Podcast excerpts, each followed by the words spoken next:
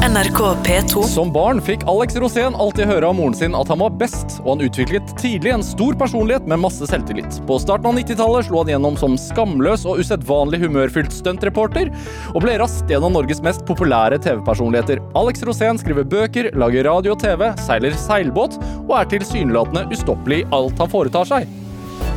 Dette er Drivkraft i NRK P2.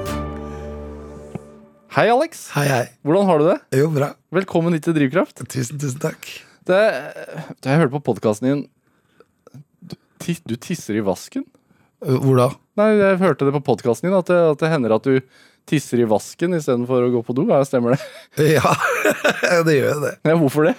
Det er fordi jeg har dårlig tid. Ja, Altså, det det, men ikke hjemme, da. Jeg Ikke, ikke hjemme. Nei, Og så er det noen vasker som ikke er lov å tisse i. Men det er noen sånne småvasker da, som jeg har rundt omkring, som går an å tisse i. Men så liker jeg sånne kjappe løsninger, men det har egentlig med seiling å gjøre. fordi at eh, hvis det er, rugger veldig mye, så er det veldig vanskelig å gå på do i en seilbåt. så Derfor så ber jeg folk ofte sette seg, for at det ikke skal tisse, for ellers så tisser du jo overalt. Ja, For at plutselig så går det jo Altså det er veldig vanskelig å styre strålen. ja, det skjønner jeg. Så jeg har jo sånn derre at jeg står og tisser på veggen, ikke sant. Så står du og gjør det i ti sekunder, så det jo, har det skadet ganske mye, og så må du vaske hele do etterpå. Ja. Så det er derfor jeg begynte å bruke en vask som hang litt lavt. Som Som gjorde at det også gikk tisset rett ut. Ja, Som urinal. Ja, Istedenfor at det går uh, i hele rommet, da. Ja. Så det var egentlig sånne løsninger. Ja. Men det er derfor at, fordi du må forte deg. Er det representativt for deg? Ja, innimellom, ja. Ja. ja. Jeg har alltid dårlig tid. Og så er det fordi at jeg har så mye jeg må gjøre på likt. At jeg må liksom prøve å organisere hverdagen. Da. Det, er det, det, det sliter jeg med. Ja, hva, hva, hva er, hvor mange baller er det i luften akkurat nå, da? Altfor mange. For at nå skal jeg være med i Stjernekamp. Og der er det jo så mange sanger. Og der, jeg kan jo ingen av det. Og da må jeg bare sette meg ned og, og pugge regler og få det inn. Ja. For eksempel ja, nei, Det er for eksempel veldig mange andre sanger som er sånne som vanlige sanger, som du hører på veldig ofte. Og så har du hørt de så mye at du egentlig er lei de, og så dukker de opp igjen, og så må du lære deg teksten på de, selv om du kan egentlig kjempebra. Men de er så kjedelige, de sangene. og, da, og da sitter jeg der og, og tenker at eh, nå må jeg bare lære meg det. Jeg har veldig, veldig problemer med å lære ting uten at Jeg er litt sånn gullfisken. Jeg har åtte sekunder hukommelse. Hvor, hvor, hvor viktig er det for eh, Alex Rosén AS å være med i sånne realityserier? For AS er det jo veldig viktig. Ja. Nei, det er ikke noe viktig i det hele tatt. Men realityserier er jo litt morsomt, fordi at eh, reality det betyr at det er virkelig. Og jeg må si at eh, noen av de morsomste realityene jeg har vært med på, det er jo som Farmen kjendis. Og det er rett og slett for at folk henger i en litt tynn tråd. Hvordan da? Eh, At de er i, i opplevelser og i, i livssituasjoner ja, som de ikke kommer ut av. Ja.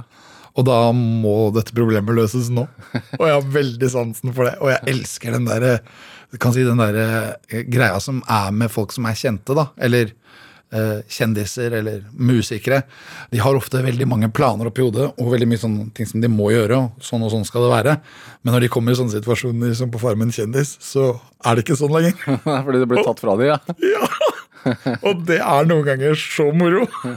Og da Jeg, jeg elsker det. Ja. Er Jeg må si at det er akkurat sånn som for eksempel Mira Craig, når hun kom inn på, på Farmen kjendis, så blei hun forbanna med en gang. og da er jo det veldig humor. Så du ser det litt utenfra mens du er der? Ja, Ja. helt riktig. Og så ser jeg det at så, Jeg var jo så heldig at jeg fikk være i militæret. Og da var jeg med i Helvetesuka, så jeg vet åssen det er å ha det aller verst. Hvis du skjønner, Når du ikke har fått sove og ikke spise på veldig mange dager, så, så vet du ikke når du blir forbanna. da.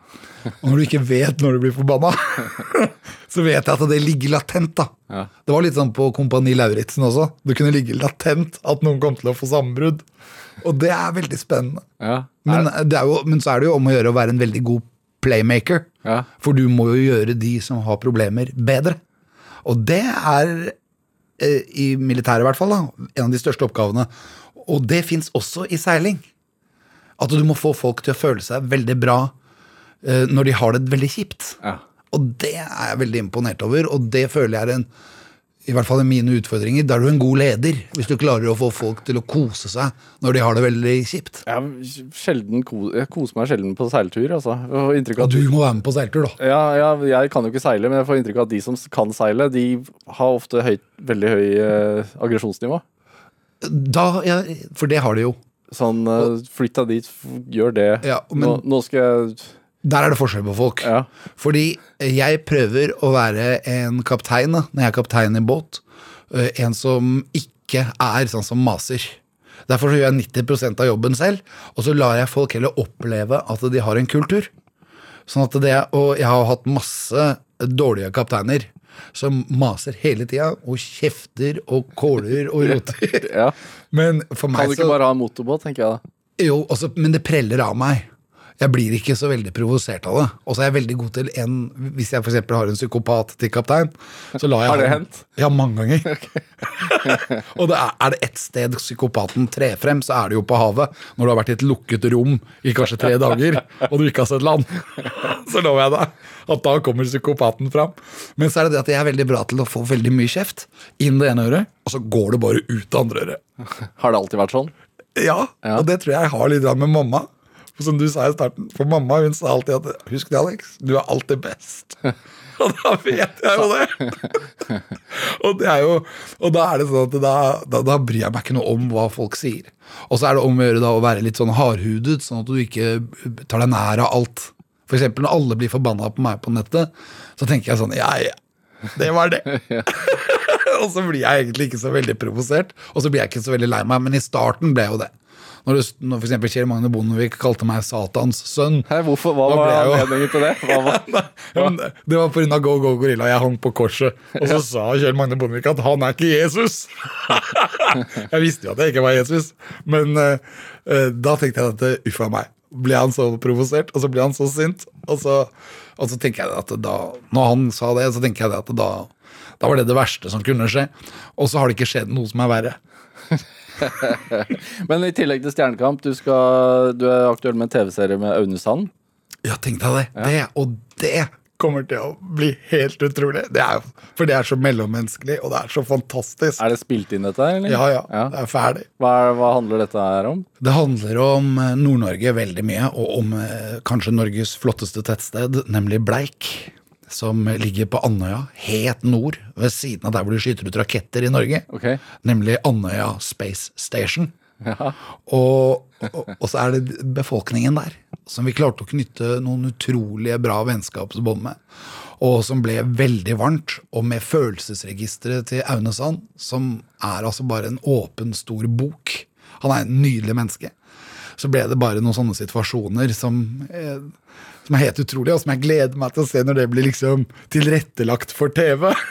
jeg, det, jeg, jeg gleder meg veldig til det. Ja, morer du deg ofte over eh, resultater? Altså, pleier du å se på programmene du er med i? Nei. Nei.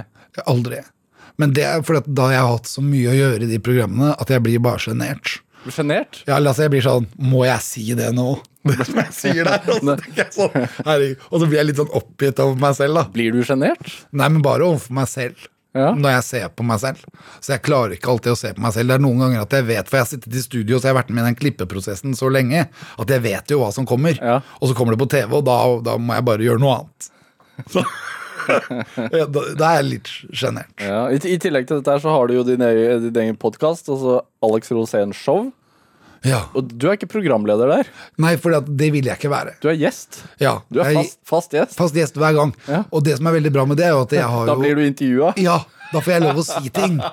Istedenfor for at jeg syns at det veldig ofte at når du er programleder, så Får du Sånn ikke- som du nå. Jeg får jo ikke sagt noe særlig. nei, og så får jo ikke du blitt noe særlig heller. For at du, det er jo veldig interessant å høre hva du egentlig mener. Ikke nødvendigvis hva jeg mener, da.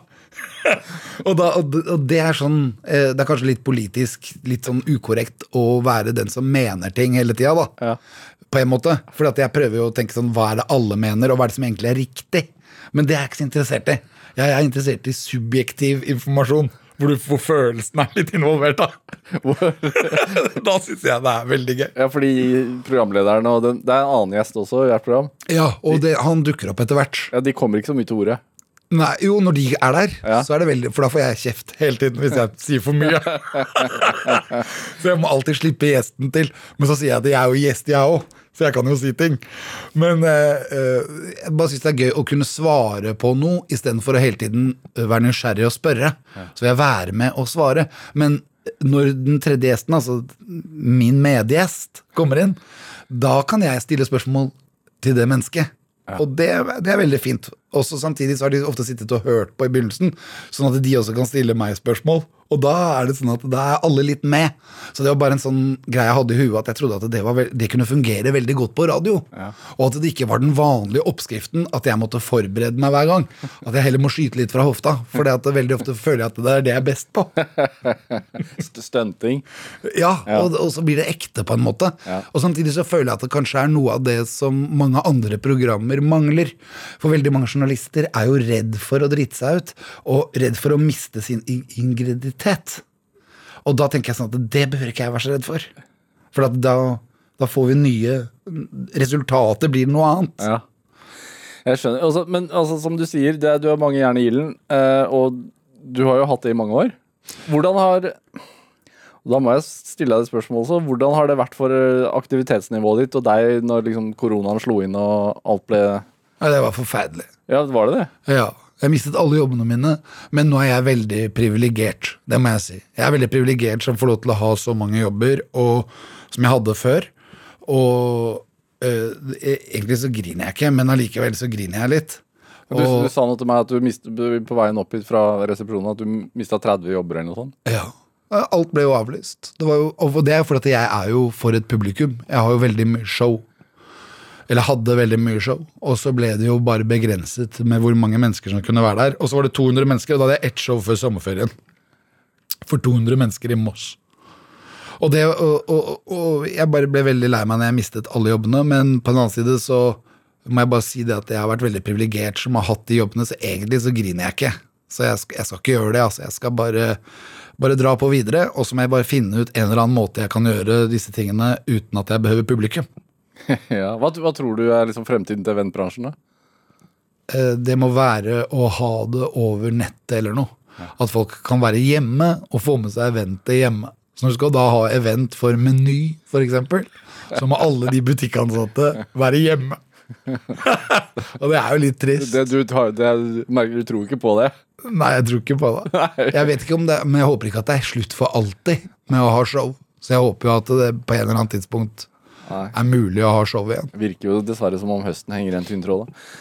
Men er det altså man, Folk har sagt at eh, det ble stille, og man kunne bruke den tiden til liksom refleksjon og gå inn i seg selv og tenke hvor er jeg i livet, og være sammen med de næreste og sånn. Har det vært sånn for deg òg? Ja, Ja. he, he, det var akkurat sånn det var. Med en gang den sykdommen satte inn, så dro jeg rett ned til båten min, som lå nede i Fredrikstad. Hva slags båt? En, en seilbåt.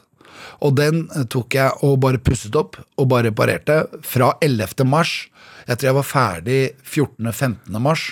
Klar til å sette den på sjøen. Og så fikk jeg båten ut. Og da var det sånn at det, akkurat som at sesongen ble større, for jeg kunne begynne da sommerferien i mars. Og så seilte jeg hjem, og så kom hjemmeskole. Og da kjørte vi full hjemmeskole i båten. Oi. I Middagsbukta. I Sandspollen. Seilte bare rundt. Hvor gamle er barna? De er eh, eh, 12 og 14. Ja. Og de, all læringen gikk jo via iPad. Og så kunne jeg bare koble min telefon opp til deres iPad. Og så satt vi altså på anker ute i Sandspollen og kjørte full hjemmeskole inne i båten. Og lagde kaffe og frokost, og det var så koselig. Så jeg fikk jo veldig mye kontakt med familien med en gang dette her skjedde. Ja. Og det var veldig bra. Veldig bra å kunne være på havet og ha hjemmeskole. Jeg tror gutta hadde bra det også. Er du en sånn person som Hvor glasset alltid er egentlig halvfullt? Eh, Ja. Alt. Det er aldri halvtomt, i hvert fall. Nei, alt, alt, hvor på en skala fra 1 til 10 så er det alltid liksom 8 og oppover, eller er det Jo, det er nok det. Ja. Jeg, jeg, er veldig, jeg er jo ikke noen sånn veldig bekymringsfyr på noen måte, egentlig. Utenom jeg er veldig annerledes når jeg er på havet enn om når jeg er på land. For på havet så føler jeg sånn at der kan jeg ikke risikere ulykker. Så jeg har alltid en sånn oppbacking der hele tiden som gjør at jeg unngår ulykkene. Og det, sånn er jeg ikke på land. For på land sant, snubler du, så lander du bare på, på land, liksom. Men hvis du snubler i havet, så kan du dette i vannet, og så forsvinner båten. Ja. Sånn at eh, derfor så Mer konsekvenstankegang der, altså. Ja, mye, mye mer. Helt annet. På land så blir jeg nærmest lat. For der er det jo ikke farlig. Det er er bra jeg ikke har tatt flylappen, for da hadde jeg hatt e- enda en ny sånn greie å tenke på. Ja. Nemlig at her går det opp og ned. Den slipper du jo på havet. Det, du hører på, altså på, på Drivkraft på NRK P2, og mm, i dag er TV-profil Alex Rosén her hos meg. Eh, Du vokste opp på Grefsen. Ja. Hva, eh, hva er de første barndomsminnene dine fra Grefsen? Og det er å kjøre opp fra Storo. Og når jeg, første barndomsminnet var når jeg kjørte fra Storo. Vi kommer jo da fra Jung til Bærum. Altså For folk som ikke er kjent i Oslo Storo er litt sånn nord Ja, i Oslo. ja. Det er Ringveien på toppen, og så kjører du over Ringveien og inn i Grefsen. Og der var det boulevard. Og det er ikke mange steder i Norge det er bulevarer. Du har Hukaveny, liksom, og så har du Grefsenveien. For på den tida så var det sånn midtdeler i veien, og så kjørte eh, bilene på hver sin side. Og når jeg så Grefsen da, så var det Grefsen for meg. Fra Storo og oppover. Og så tenkte jeg, hvordan vil det være her om ti år? For da var jeg ikke mer enn seks eller fem år. Du tenkte hvordan vil det være om ti år, Om da, ti år. da du var fem år? Ja, hvor, ja. hvor vil jeg ha mine kontaktpunkter her? For det var jo en helt ny, det var som en ny jaktmark. Grefsen bare åpenbarte seg for meg. Så det er et av mine eldste barndomsminner. Og det tenker jeg på rett som det er når jeg kjører der i dag. For da tenkte jeg at ja, sånn og sånn ble det faktisk ti år etterpå den gangen jeg tenkte det. Hva var, det du var så, hva var det du så for deg, da? Ante ikke. For meg var livet da bare en uh, ny pakke. Og jeg visste ikke hva jeg kom til å bli, og jeg visste ikke hva som kom til å skje. Men allikevel så husker jeg at jeg tenkte veldig mye på det som barn. Du gjorde det? Ja, og så Når jeg er blitt voksen, så tenker jeg tilbake på den gangen jeg tenkte det. Og så tenker jeg hvordan blei det med det og det, og hvordan blei det med det, og hvordan ble det med kjærligheten, og hvordan ble det med skolen, og hvilke venner var det egentlig jeg fikk? Og så er det jo veldig kult å tenke på det, for da kan jeg liksom gå gjennom disse årstallene oppi hodet mitt da, og tenke på det om igjen. Men altså, som, altså, som barn, som femåring, så, så tenkte du disse tingene? Er, er, det, det, du har jo barn, er, er det normalt å Jeg vet ikke hva som er normalt. Er reflektert rundt disse tingene når man er såpass ung? Ja, jeg, jeg tror at det er veldig, uh, veldig individuelt. Ja. At, at man tenker veldig for, for, forskjellig. Jeg følte at jeg tenkte jo masse øh, sinnssyke tanker når jeg var barn. Som for eksempel? Så for eksempel det at øh, hvordan var det der om 20 år? Hvordan er det her om 30 år? Og så tenker jeg sånn at nå har jeg jo vært forbi de, de greiene, men jeg husker de gangene jeg tenkte det. Og det var bare min måte å liksom sette opp tidslinjer på da Når jeg var liten, sånn for å vite hvor lang tid det egentlig var til at jeg blei russ, f.eks. Som jeg så for meg som var sånn lang, lang tid i, frem, i fremtiden. Og det, og, eller hvordan det var å være fotballspiller eller bandyspiller eller, og, og skuespill.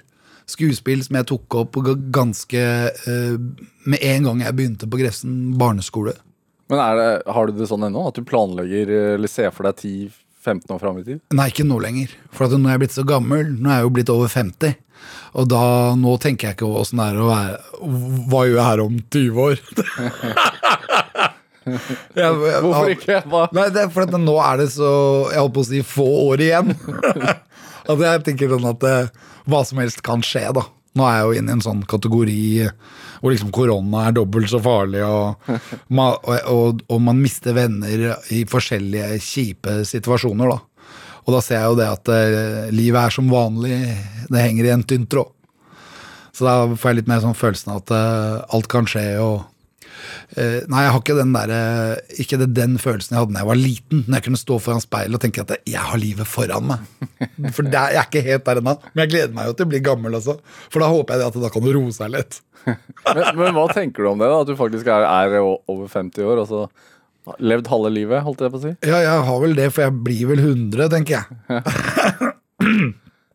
nei, nei, det er jo litt sånn eh, Faren min, han ble veldig sånn eh, Hva er det det heter? da? Sånn, han ble veldig sånn øm og sentimental. Eh, det har jeg prøvd å unngå, fordi at jeg føler at det er en litt sånn derre eh, Litt sånn grave seg ned-tanke. Å bli for sentimental. Rundt livet? Ja, og rundt barna og rundt sånn. Jeg prøver å være litt mer kynisk. Litt mer sånn sånn og sånn må det være. Men så kjenner jeg jo på det at jeg har jo disse genene fra faren min som gjør at jeg også kan bli sentimental og bare gråte av sånne helt utrolig eh, enkle ting. Særlig når du, ser, når du blir imponert av barna dine, f.eks. Det syns jeg er helt utrolig. Det er en veldig bra følelse. Ja. Og det er jo det er, eh, det er sånn som faren min var hele tida, for han gråt hele tiden. Og han kunne gråte av sånne helt utrolige ting, og da sier jeg at han var så dum. Det går ikke an å grine av det her, nå må du skjerpe deg, pappa. og så blir jeg jo nesten litt sånn selv også. Hva skal til for å imponere, da? Eh, gjøre noe som jeg ikke eh, hadde klart selv, f.eks. Eller gjøre noe som gjør at wow, kan du dette? Hvor har du lært dette her hen? Det syns jeg er veldig bra. Da kan du bli rørt. Ja, eksempel når sønnen min tok eh, salto fra tieren, liksom. Da tenkte jeg at det har du ikke lært av meg. Og da begynte du å gråte? Ja, da begynte jeg bare sånn wow! Det er veldig bra å bare bli imponert. Men er det, altså, du nevnte Far min kjendis. Jeg så, litt, så deg litt på det, og da Du er veldig praktisk anlagt. Nei. Jo, du Nei, fremsto i hvert fall som det. Ja, men det er mer sånn som jeg igjen har fra seilingen, at jeg kan litt om alt. Men jeg er jo Jeg, jeg frem, prøver å fremstå som en som gjør noe. Jeg kan jo ikke dra inn på, den, på det stedet der og ikke gjøre noe. Så det er jo mest for å få gjort disse oppgavene ferdig og Men er du sånn i livet også? Nei, jeg vil ikke si det. Altså. Jeg vil si at jeg er litt sånn ti tommeltotter, men jeg prøver jo hele tida, da. Hvis ikke motoren går, så må jeg liksom finne frem sånn at jeg finner den forgasseren. Og få rensa den. Ja, du gjør det sjøl. Ja, men jeg, jeg kan godt få hjelp òg. Ja. Så jeg Men eh, eh, litt har jeg jo lært opp gjennom årene fordi jeg må. Fordi jeg har vært aleine. Og du har hatt en dårlig båt som har kostet 15 000. Og nå må denne her slutte å lukte diesel. så at litt har jeg jo lært, men jeg er ikke så veldig praktisk anlagt. For eksempel akkurat nå så har jeg veldig mye problemer med gressklipperen. Og det har ført til at jeg har fått sånn superhøyt gress i hagen. da Som er bare, Det ser ut som jeg liksom er bare Det ser ikke bra ut, da.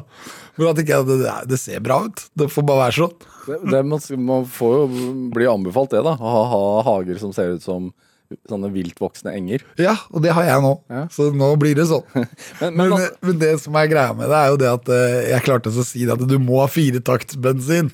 Og så da hadde selvfølgelig kjæresten min da kjøpt helt feil bensin til den Til den uh, gressklipperen, og så knelt den. Så nå er den på reparasjon. men altså, tilbake til Grefsen. Altså, er det, hvor mye av deg er uh, arv, tror du? Eh, ganske mye. Eh, men ikke så mye at det er en unnskyldning, hvis du skjønner. For jeg kan ikke unnskylde meg på arv. Nei. Så at jeg tror man kan forandre ting nesten uansett. Men selvfølgelig, det er jo noen DNA-er her og sånn. Og de DNA-ene de har jeg jo til felles med mine foreldre. Men veldig mye av min, min vilje og mine valg, de går på tvers av mine foreldre. Så jeg vet ikke hvor mye Og jeg, jeg tror veldig mye av livet kan gjøres ut ifra de valgene en gjør. Derfor så tror jeg at eh, arv er litt sånn overdrevet. Selv om jeg tror det at for eksempel får du høyt blodtrykk, eller får du for mye fett i blodet, eksempel, Så er det arv. så er det arv. Ja, det er- Det får du ikke gjort noe med. Ikke, ma ikke mat man spiser, si. Nei, men, nei, nei, men jeg tror, ikke, jeg, jeg tror likevel at man kan gjøre veldig mye annerledes enn foreldrene sine. Ja. Men hva drev de med da du var barn, da? Ja, de festet. De festet. Ja. Det var jo genera dessertgenerasjonen etter krigen, det. De, de var veldig glad, og de hadde et utrolig alkoholforbruk som jeg ikke skjønner noen ting av. For Hva- fordi hva- det kunne ikke jeg hatt. Al al altså, hva snakker vi? Nei, jeg fant en sånn handleliste fra en påsketur i 1977. Og den tror jeg var liksom én kasse sprit, én kasse hvitvin, én kasse rødvin og to kasser øl til en påske på tolv dager, liksom. Eller hvor mange dager det er. Elleve dager.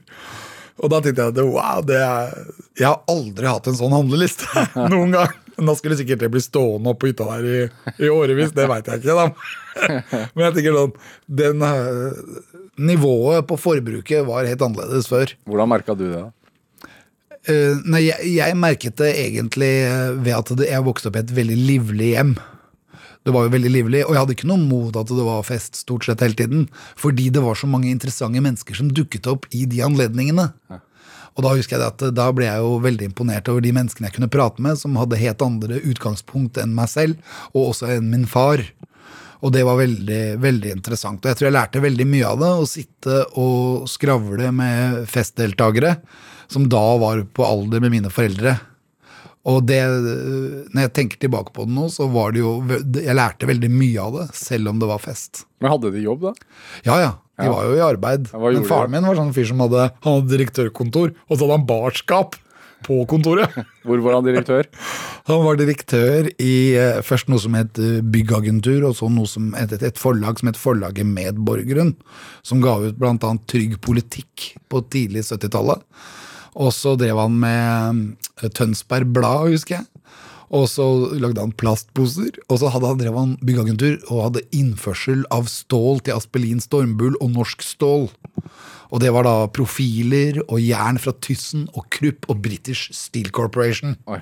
Og dette her var jern som måtte Norge i forskjellige typer bygg. Og helt frem til en viss dato, da, eh, jeg tror jeg beregnet det sånn ca. 1982, så gikk alt på skinner. Men da tok alkoholen overtaket. Og da ble det litt sånn krøll og litt sånn familiekriser. Eh, Men igjen, jeg tror jeg vokste på det også. Å, lære seg at kriser ikke er unormalt, men kriser er ganske vanlig å ha i familier. Og så enten må man løse det, eller så får man leve med det en stund, inntil man da løser det litt senere. Men Måtte du løse det sjøl, eller? Jeg måtte nok det som barn på en måte, for jeg måtte jo løse min egen situasjon i det, samtidig som at det kunne jo gå litt hardt for seg. Eh, eh, Både sånn festemessig, men også sånn eh, aktiviteten mellom disse personene. Det kunne plutselig bli krangler her og krangler der, og så måtte det løses. og også som barn så står du jo da midt oppi et sånn setup hvor du må lære deg å være løsningsorientert. da.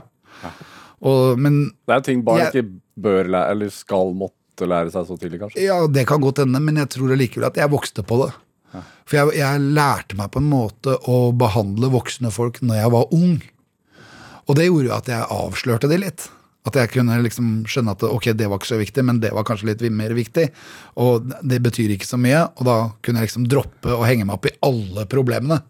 Jeg husker for at mine søstre hadde mye mer problemer med dette her enn meg selv. Ja, For du har to søstre. Ja. Og de hadde problemer med, med denne festingen og den utagerende alkoholmisbruket. Mens jeg på en måte hadde mye mer eh, Hvis pappa er glad, så la han drikke, liksom.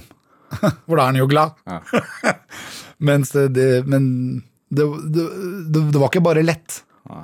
Men eh, på en annen side, så eh, for, for meg i hvert fall, så vokste jeg på det fordi jeg, jeg på en måte intervjuet disse fyllikene da når jeg var liten. Og da eh, når jeg intervjuet de, så kom de jo med smarte svar. De hadde jo tenkt veldig mange forskjellige tanker. Og det var jo folk i Kultur-Norge som var hjemme hos oss. Og da var det også veldig interessant å høre hva de kunne si. Jeg kunne jo se f.eks. en av fyrene på Olsen-banden. Men når han satt hjemme og drakk med pappa, så var det noen helt annen type fyr. Og da var det jo veldig spennende å høre det, da. Så jeg var vel egentlig akkurat som en svamp. Jeg bare tok masse inntrykk inni meg. Og så formet jo det meg, da. På en eller annen måte. Var det ikke skremmende på noe vis? Jo, det var jo det. Jeg husker en kar en gang som datt ned trappa. Han var rallysjåfør. Han kjørte racerbiler. Men han hadde jo ikke styr... Han var sikkert en bra atlet og idrettsfyr, men han hadde ikke kontroll på alkoholforbruket sitt. Så han ramla ned. Da ble jeg veldig skremt. Og han ramla ned trappen, husker jeg. Bang, bang, bang! Og så tenkte jeg at han burde jo egentlig hatt på seg hjelm. Men, men, men, og, og, og, og man ble jo skremt, man ble på en måte litt skadet, men sånn er livet. Man må liksom kunne klare å ta sånne situasjoner. Og, og det, desto yngre jeg egentlig var, desto bedre skikket ble jeg til å gjøre det når jeg ble eldre. Det høres, høres rart ut, men så, sånn var det. Sånn at når jeg har fått, fått meg smeller, så har jeg prøvd å vokse på det. Men jeg har jo også tenkt sånn at der gikk jeg glipp av noe. At nå mista jeg et eller annet. Det har jeg også tenkt. hva, hva da, for eksempel? Eh, Det kan dreie seg om kjærlighet, eller det kan dreie seg om, om uh, opplevelser som andre folk hadde, som ikke jeg fikk. Sånn på, fra hjemmefra? Ja, så, sånn uh, hjemmefra egentlig, men allikevel uh, så har jeg aldri klagd over det. Og derfor så har jeg ikke heller blitt så skadelidende av det. Tror jeg, da. Fordi at eh, jeg har lært hjemme å aldri klage. Og hvis det er noe jeg skal klage på, så må jeg bare gjøre noe annet for å få til f.eks. et annet resultat. da. Sånn at eh, jeg tror, jeg tror jeg vokste på det. Eller i hvert fall så ble jeg litt sånn hardhudet. Moren min var veldig frekk. Så hun kunne jo Hvordan da? Ja, men hun var, hun var frekk mot alle. Jeg husker jeg skulle legge til båten en gang, for faren min seilte jo hele tiden. Og det var jo han som lærte meg å seile. Men så kunne vi legge til båten, og så var det en eller annen som sa noe, så kunne mamma stå og kjefte ut en fyr ikke sant, på brygga. og hun var så spydig. Og da, det sånn, da ble det veldig, veldig Da ble jeg veldig flau øh, av moren min. Men så ordnet jo alt seg, og så blei de venner, og så var det greit. ikke sant? Men da hadde hun vært så frekk at eh, liksom, da var jeg veldig eh, Veldig Hva skal jeg si for noe? Ve- veldig flau over, over at hun hadde vært sånn. Men da fant jeg jo tidlig ut at det gikk an å være frekk og få endret på sånne smådetaljer i omgivelsene. Og så gikk det bra til slutt. Og da tenkte jeg at det er et sånt triks jeg må lære meg. For det går alltid bra til slutt. Men altså, ja, det er Ja, du tenker det? Ja, jeg, jeg tenker det. Ja. Er det, er det altså, fordi du eh, Stemmer det at du holdt på å dø som barn? Ja. Hva skjedde? ja, du tenker på den ulykken nå? Ja, ja. Nei, jeg gikk gjennom en glassrute og skar meg opp og fikk 170 sting i ryggen. Skar opp flere muskler og Det var jo ikke bra. Da holdt jeg jo på å dø. ja. Jeg husker det veldig godt. Det var i februar 1976. Jeg var da åtte år. Og det, Nei, da holdt, holdt jeg på å dø. Jeg, jeg var faktisk i 70-årslaget til hun som gikk bak meg. For dette var en sånn stor dør, glassdør, som var lagd på Grefsen. Som skulle da være veldig stilig. Men poenget var at det var jo ikke funnet opp laminert glass eller herdet glass. Sånn at når du da knuste og gikk gjennom den døra, så løsnet det jo sånne glasstykker på størrelse med det her. Med skarpe kanter, altså én ganger én meter. Og når de begynte å fly rundt i lufta, så treffer de deg, så skjærer de seg gjennom deg. ikke sant? Og, og, og så ble hun 70 år, da, hun som gikk bak meg. For det går da, og det var det som reddet livet mitt. Rett bak meg så går det en lege. Hun går altså ti meter bak meg, og hun ser hele denne ulykken, at jeg går gjennom den døra. Og hun ser at jeg blir skåret opp, og hun fortalte meg, da, for jeg dro til henne nå når hun ble 70 år, og gratulerte henne med dagen og takket for livet omtrent. Og da sa hun til meg det, at eh, jeg ble sittende og holde deg, og blodtrykket ditt dalte, og hjertefrekvensen din gikk nedover. Og da Det er ikke bra, da. ja du har jo ikke så mye blod i kroppen som åtteåring heller. Nei, ikke sant? Og jeg var jo, jeg husker jeg gikk rundt i det blodet, og det var seigt, og jeg snubla i mitt eget blod. Det var ikke bra. Og da tenkte jeg det at eh, jeg, det, jeg hadde hadde ikke hun legen gått eh, tre meter bak meg, da, så hadde jeg vært død i dag. Jeg hadde daua i den døren der. Ja. Men hun klarer da å putte henda inn i ryggen på meg, stoppe alle blødninger og få meg opp. Og så husker jeg vi sitter oppe i leiligheten, og mamma og pappa får jo sjokk. De står jo og lager middag. Jeg skulle jo bare ned og hente sekken min utafor huset. ikke sant? ja, for det var hjemme hos dere. Ja. Og så eh, tar faren min telefonen og ringer da til Ullevål sykehus og sier det at eh, min sønn har gått gjennom døren, bla, bla, bla, dit og datt. Ja, hvor gammel er han? Ja, han er født 11.03.68. Eh, og så sier hun da, men, ja, hvordan blodtype er han? Og så begynner hun å prate, og da husker jeg hun legen bare så satt over meg, og hun tok bare røret ut av hånda til faren min, og så bare Dette er doktor eh, eh, det hun het, da. Ja. Send en bil øyeblikkelig med en gang. Bang! Og så kasta han på røret. og den bilen kom jo. Men eh, det var, hun, hun skulle ikke ha noe mer prat i den telefonen. Hun skulle ha den sykebilen så fort som mulig. Ja. Hvor, hvor måtte du være lenge på sykehuset? Nei, Det var fire-fem dager. Men det som er greia da, er at jeg var jo åtte år, så jeg grodde jo sammen som en sånn alien. jeg grodde veldig fort sammen. Og ble, ble veldig bra. Så jeg, det jeg husker, er det at jeg ble uka etterpå. Altså, det gikk en uke imellom, og så var jeg på skolen. Men da hadde jeg så mye bandasjer på kroppen at jeg gikk jo litt sånn krøkkete rundt. Og så husker jeg veldig godt at en måned etter det igjen, så måtte jeg ta stingene. Og det var jo sting i hele ryggen, og det husker jeg var veldig ubehagelig. Tror du Altså, Når du har en sånn innstilling at det ordner seg til slutt, eller det er, ting er ikke så farlig, har det noe med dette å gjøre, tror du? Ja, jeg tror i hvert fall at det gjorde noe med meg med tanke på uh, at livet er skjørt, og at uh, det er så Man skal være glad for hver eneste dag man har, da. Og derfor så ble det sånn at jeg ble veldig glad at jeg overlevde den ulykken, for den var jo veldig kritisk. Og det tror jeg har vært en sånn greie at jeg som veldig ung ble veldig glad for at jeg levde. Og at jeg på en måte da alltid var glad inni meg. At jeg hadde en sånn evig glede og, og smilte fra øre til øre og bare var veldig fornøyd. Og den, for den følelsen har jeg jo ennå. Men du altså, jeg vet jo du har studert filosofi. Er det, er det liksom Er du opptatt av det også? Av de store, store spørsmålene, holdt jeg på å si? Ja, Ja. veldig. Veldig opptatt, Jeg er veldig glad i filosofi og leser en del filosofi. Eller i kombinasjon med historie. Jeg er veldig opptatt av historien. Og norsk historie, og europeisk historie, russisk historie. Veldig opptatt av de forskjellige bevegerfaktorene i samfunnet da, som har gjort at eh, ting har blitt sånn som de har blitt. Og så særlig også det at når jeg seiler rundt, så må jeg liksom forklare gutta mine da, hva denne havnen her har vært brukt til. Fordi at det er jo så mange havner. Og det er så mange havner nedover kysten hvor vi ikke har byer lenger. Hvor byene er borte. Men havnene er like bra. Ja. Og så er det sånn at eh, og så syns jeg det er spennende å dykke der og finne skatter. Jeg er veldig opptatt av å finne skatter. Og finne ting som viser at f.eks. Tordenskjold har vært her.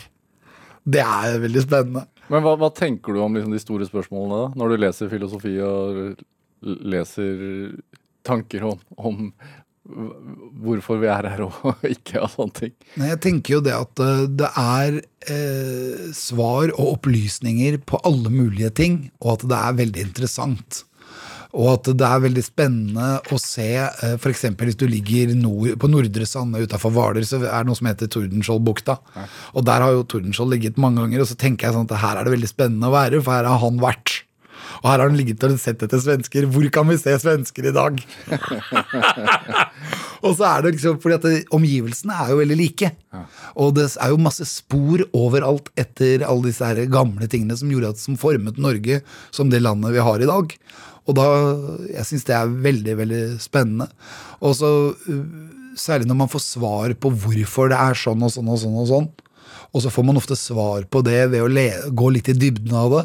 Og gjerne da lese de forskjellige filosofene eller de forskjellige historikerne eller kongene eller de som har hatt påvirkningskraft. da. Og så plutselig så er det liksom Det er en grunn til at det, er bilde av en båt på kumlokkene i Holmestrand. Hvorfor er det bilde av en båt eh, på kumlokkene? Fordi det er den båten Tordenskjold rappa av Karl 12. det er den hvite ørn! Og det er jo sånn da, Det syns jeg er veldig, ve ve veldig gøy. Og, og veldig spennende. Så, samme som det er med Stavern. Utrolig spennende havn. Et must for alle seilere og alle oppdagere. Dette er Drivkraft med Vegard Larsen i NRK P2. Og i dag er TV- og radioprofil Alex Rosén her hos meg i Drivkraft. Har du alltid vært sånn hvit og begjærlig? Eh, Ja, jeg tror det. Jeg husker i hvert fall eh, faren min han hadde en veldig god venn i André Bjerke. Og han hadde sjakkprogram på NRK på 70-tallet. Og når han ikke hadde det sjakkprogrammet, så var han hjemme hos oss. Og da husker jeg det at eh, jeg ble så imponert over alt det han kunne. For han var sånn multigeni. Han hadde liksom helt oversikt over alle. Og da satt jeg med, uh, med leksikon.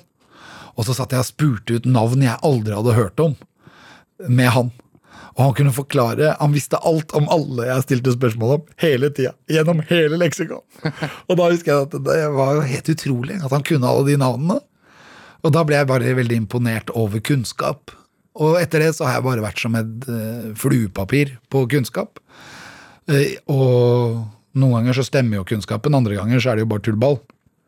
Men det å være nysgjerrig på det, det er vel en sånn greie jeg har hele tiden. Men du har jo valgt deg en retning i livet sånn yrkesmessig som ikke nødvendigvis har så veldig mye med kunnskap å gjøre. Jo, det har det. Fordi når du er standup, da, eller hvis du skal holde et foredrag, så må du kunne noe om det du skal snakke om. Og uh, som eh, komiker og standup-mann, så er det veldig viktig at uh, man vet noe, for man må jo prate om noe.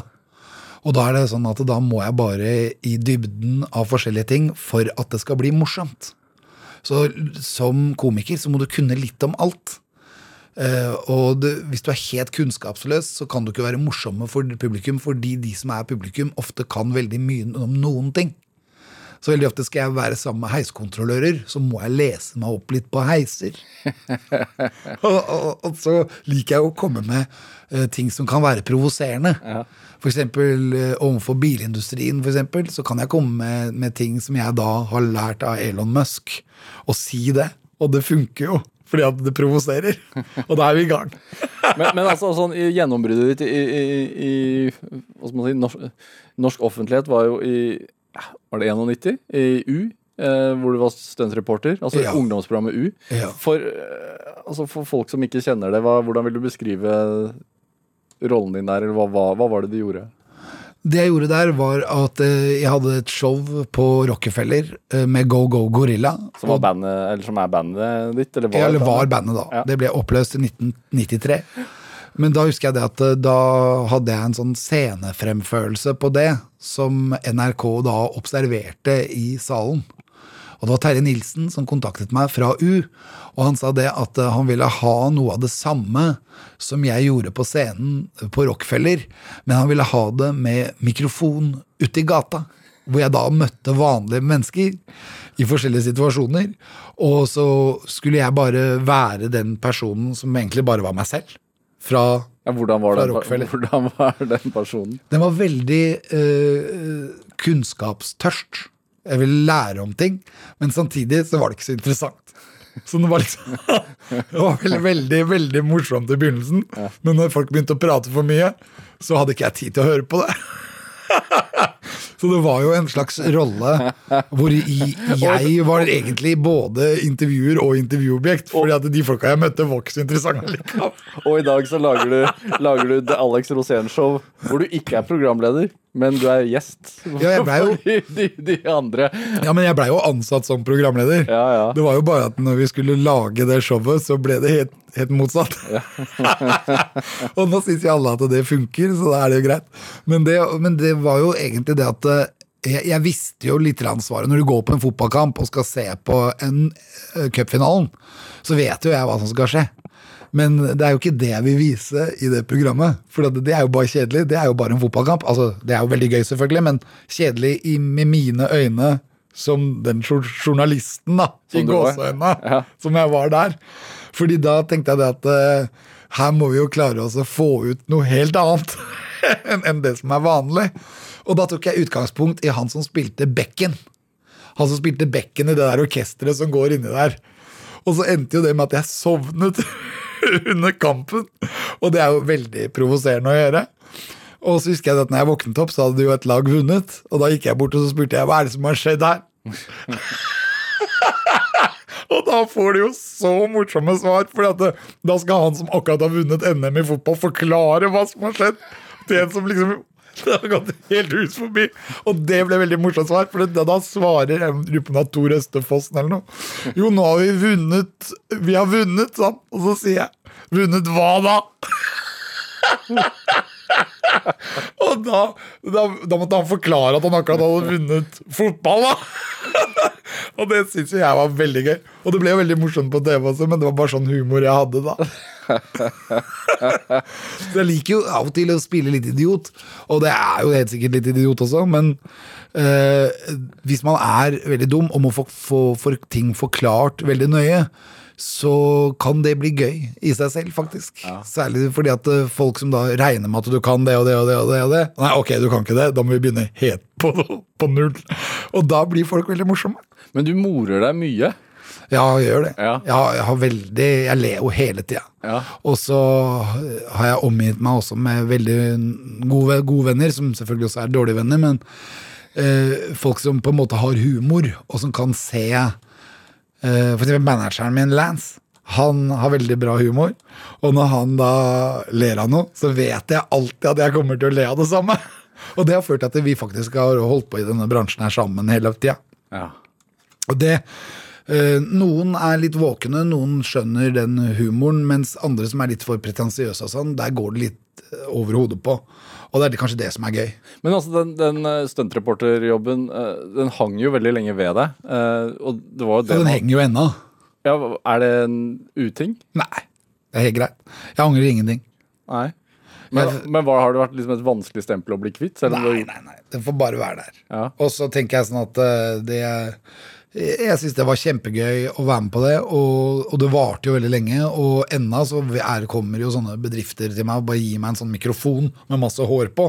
Fordi at de har ikke glemt det som var da. Og det var jo en mikrofon som egentlig ikke skulle være i TV. Ja. Men jeg bare fikk den opp i hodet hele tida, og til slutt så bare tok jeg den. Men, men skulle, skulle du egentlig bli musiker? Ja, men jeg er vel egentlig det også lite grann, for jeg synger jo hele tiden. Ja, men sånn altså Go Go Gorilla var, Ja, ja, ja, men så var jo en stor greie. Altså, var, var det liksom Ja, men eh, jeg har veldig respekt for folk som kan mye, og som er veldig gode på ting. For eksempel, og, og man må være litt sånn skomaker, bli ved din lest. Eh, Det har ikke jeg alltid klart, fordi eh, jeg vet ikke helt hva jeg har drevet med. Og Du har gjort mye forskjellig. ja, og, og, og som musiker så må man egentlig holde på med det hele tiden. Men det blir litt kjedelig, fordi da sitter du i studio, og så holder du på med den samme låta, den samme lyden, kanskje tre dager. Og det, jeg har ikke tålmodighet til det, men jeg skjønner jo de som er gode produsenter, og, og som sitter og gjør det, for plutselig så er det helt genialt, ikke sant? Men det tok for lang tid, så da måtte jeg ut og gjøre noe annet. Og, og da Jeg er jo musiker, men jeg har veldig respekt for det å være musiker. Men det er forskjell på å være en vanlig musiker og være genial. Og jeg er ikke genial. Det? Jeg kan synge, og jeg kan det tekniske, og jeg kan sikkert fremføre bra og, og være direkte, men jeg er ikke Lars Lillo Stenberg. Ikke sant? Jeg er ikke, jeg er ikke geniet. Og, det, og det, jeg elsker jo musikk. Så jeg, har jo, jeg er veldig klar over at noen er eminente, mens andre kan spille kanskje gitar eller være i et orkester. Og det, og det å være helt sånn eminent og, og lage fantastiske sanger og Jeg må bare ta av meg hatten da, for eksempel for Lars Lillo. Hver gang han kommer med en ny låt. Bare epleslang, eksempel. Jeg kjenner meg igjen så mye. Aldri mer epleslang, eller aldri epleslang, hva den heter. Det er så bra, den sangen. Og nå var jeg og så han på Kjerringvik også, og da er det bare Det blir magi, da. Men, men er det Og, og, og, og det er forskjellen. Uh, ikke sant? Skal du drive med musikk, det er som å være forfatter. ikke sant? Du kan være en god forfatter, du kan være en dårlig forfatter. Men da tenker jeg at jeg orker jo ikke å være en dårlig forfatter, selv om jeg er jo det også. Men jeg er ikke eminent genial. Er det, er, er det, når det er en lidenskap, som, som jeg jo antar at musikk er for deg, er det, er det vanskelig å erkjenne det? Altså gi, gi det opp på et vis? Nei, men jeg har ikke gitt opp. Nei. Så jeg gir, gir aldri opp. For jeg kan jo fremføre låter, og jeg kan fremføre livekonserter, og jeg lager også sanger, og noen av de er ganske bra, syns jeg.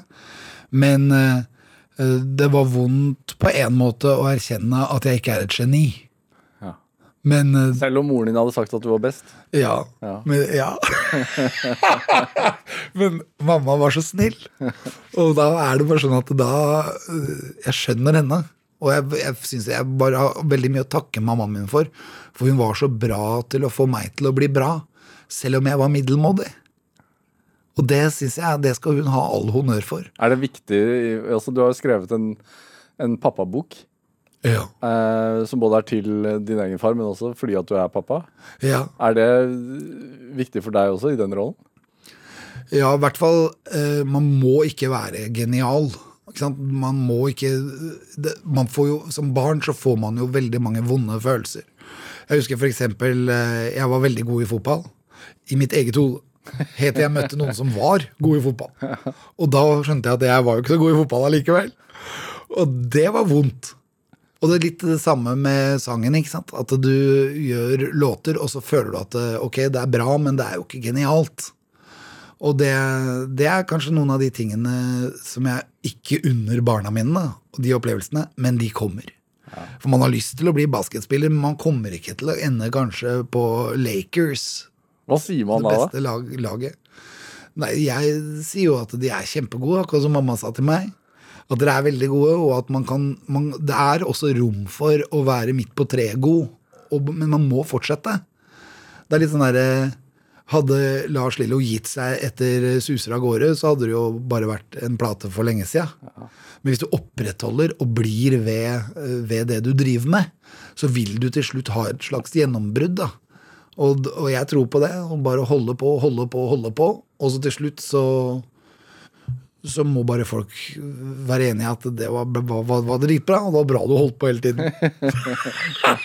Men, men altså, hvor enkelt var det å overleve som artist? Eh, det, jeg tror ikke jeg ville ha rådet noen egentlig å bli artist. Nei. Fordi at det er jo eh, veldig sånn Det er ikke noen trygg jobb i noen henseende, egentlig. Men så er det noe inni deg som sier at enten så må du, eller så må du ikke. Og hvis du må, så må du gå 100% inn for det. Jeg får leste et sted at du må, var, var en periode der på starten av 90-tallet hvor du nesten måtte stjele mat for å Ja. Og det var jo rett etter U. Ja. Det var etter en sånn episode hvor jeg hadde vært med noen uh, gladjenter, holdt jeg på å si, inn i et studio og tatt noen bilder som var helt over toppen, og så plutselig så mistet jeg alle jobber da òg.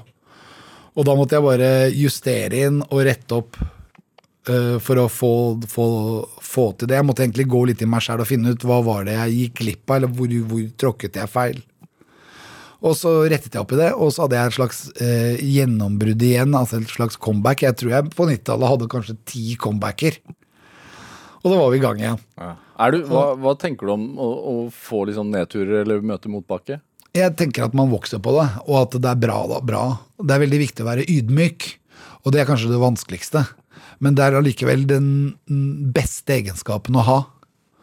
At man på en måte øh, må være ydmyk, men allikevel dra på. Ikke, ikke nøle. Bare, bare gjør det. Og da tenker jeg sånn at Men den ydmykheten, den er egentlig ganske sjarmerende. Øh, Både for omgivelsene dine, men også for deg selv. Så det, og det tok lang tid. Jeg lærte jo ikke å bli ydmyk hjemmefra. Jeg lærte det egentlig av venner som retta opp på meg. Og det tror jeg var veldig bra. Og det tror jeg er en veldig viktig egenskap å kunne si til seg selv at av og til så har du ikke rett hver gang. Og det, og det, det mener jeg. Det er kanskje den beste egenskapen jeg har lært i relativt voksen alder. da. Og kunne klare å være det. Og, og respektere også folk som er veldig flinke. Dette er Drivkraft med Vegard Larsen i NRK P2. Og i dag er TV- og radioprofil og forfatter og musiker Alex Rosén her hos meg i Drivkraft på NRK P2. Eh, altså, du har gjort mange ting som mesteparten av oss ikke hadde liksom turt å kaste seg ut i. Er det, har det vært viktig for deg å, å bare utforske og pus- pushe grenser uten å liksom tenke at, at det får konsekvenser? Eh, jo, men jeg har vel ikke alltid sett konsekvensene, tror jeg. Jeg har ikke sett hva som skulle skje. Nei.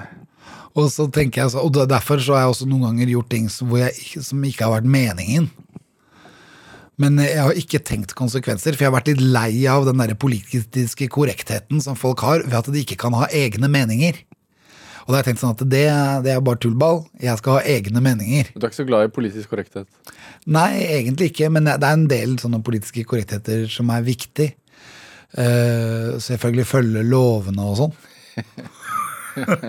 men jeg har jo alltid syntes at det har vært veldig viktig å være subjektiv. da, være, Se på ting, men ha en egen mening. Ikke nødvendigvis måtte sette meg selv ut på sidelinjen og så si sånn ja, man mener dit og datt, og man mener dit og datt, men fordi at man hele tiden skal holde sin egen sti ren. Jeg føler av og til at jeg må bare hoppe uti det og drite den stien. Og det, det, det er litt sånn som for når du hopper på snowboard og du ikke veit helt hvor du skal lande, for du ser ikke landingspunktet, for det er over en haug. Og litt sånn er det. At man, da må du korrigere underveis for å ikke gå på trynet. Og, og det er en spenning knyttet til det. Hva tenker du er liksom drivkraften din? da? Ja, Drivkraften min tror jeg egentlig er ganske god. At det er en, en glede å glede andre. Og får- det hva, er en sånn type drivkraft. hva får du ut av det, da? Rett og slett uh, gode vibber, og at, uh, at uh, det er viktig at andre har det bra. At det er, det er en slags sånn drivkraft som gjør at det jeg egentlig driver med, er godt.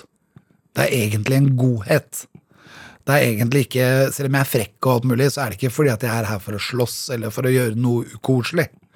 Men det er mer sånn fordi at det eh, Jeg har en drivkraft som ingen andre har. Eller jeg har i hvert fall noe å komme med til bords som ingen andre har tenkt.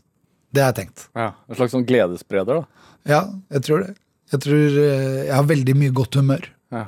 Og jeg tror det er veldig, veldig bra å ha det. Jeg blir veldig sjelden forbanna. Jeg blir jo forbanna, men det er det ofte eh, en humor eller et glimt i øyet. Altså, Jeg klarer ikke å bli forbanna og, og være det fordi jeg er forbanna. Det er mer sånn bare sånn fordi at eh, jeg liker å være frekk med noe. Men hva får du igjen, hva får du igjen av den eh, selv, da? Altså, du får jo igjen én ting, og det er det at ok, jeg får igjen ganske mye tyn, men det er jo greit. Men det andre er jo det at eh, det var modig å gjøre det. Eller modig å tørre det. Så jeg har alltid syntes at det har vært gøy å være litt modig. Når du dødser, for eksempel, og du vet at du er, står høyere enn ti meter, og du må bare gjøre det. Da er det en slags sånn greie du må vinne over for å få dette til. Og det er vel det, det jeg har tenkt hele tiden, at vi må bare dra på. Det, tenker du at flere burde ha den innstillingen? Nei, jeg vet det. Ja, jeg tror jo veldig mye idrettsfolk har det. Ja. Men jeg sammenligner ofte kulturen og idretten som veldig like ting. Altså, Er du god skuespiller, og sånn, så er det en like stor jobb som må gjøres der for å være en god fotballspiller. Skjønner du hva jeg mener? ja. Og det tror jeg er sånn derre eh, greie med at uh, når man lever, så er vi nødt til å holde oss i form. Og derfor så uh, kan du si at å løpe rundt med mikrofonen, sånn som på tidlig 90-tallet, det var like mye for å holde meg i form. Og det var mye mer spennende når ting gikk gærent, enn når det gikk helt etter boka. For når det gikk gærent, da var det mange problemer som måtte løses. Men så ble jeg liksom bedre venner med den personen og den personen. Og, og så ble det jo Jeg fikk jo veldig mye ut av det selv også. Og det, det, det tror jeg er en sånn greie som jeg opprettholder nå. Ja, så det er en slags sånn livsfilosofi at man våger å dødse og ha godt humør, så, så skjer det gode ting. Ja, Ja. og sånn som for eksempel når jeg seilte med Jarle Andøy opp til Nordpolen og satte verdensrekord på, på, på pollisten med en båt til 30 000 kroner. Hvordan, det var ingen som hadde tenkt den samme tanken før. Nei. Og da Veldig bra følelse når vi kom hjem og liksom hadde gjort det. Ja, hva føler man da? Og bodde, da følte jeg veldig mye rart, for da hadde jeg hatt så mye sånne svetteutbrudd. Og det hadde vært sånn her, Når du ikke har vaska deg på to måneder, så får vi jo sånn selvrensende hud. Ja. Og da får du sånn der fettlag utapå huden som gjør at du får utrolig mye beskyttelse. Så du får jo ikke sår lenger. Det er umulig å få sår. Og da føler du at det er jo Jeg hadde jo aldri opplevd det hvis jeg ikke hadde vært i den båten. Og det å ha opplevd det Jeg har jo vært i militæret og vært to uker inne i skauen. Men jeg har allikevel ikke opplevd det som jeg opplevde der etter å ha vært en og en halv måned uten dusj. Alex Rosén, eh, du prater og prater, og det var det, det var rakk her i dag i Drivkraft. Tusen takk for at du Ja, kom. tusen takk. Det var bra med drivkraft.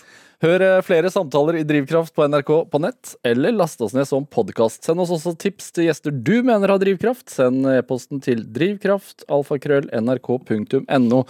Produsent i dag var Pål Arvid Jørgensen. Kjartan Aarsand bidro også sterkt til denne sendingen. Jeg heter Vegard Larsen. Vi høres.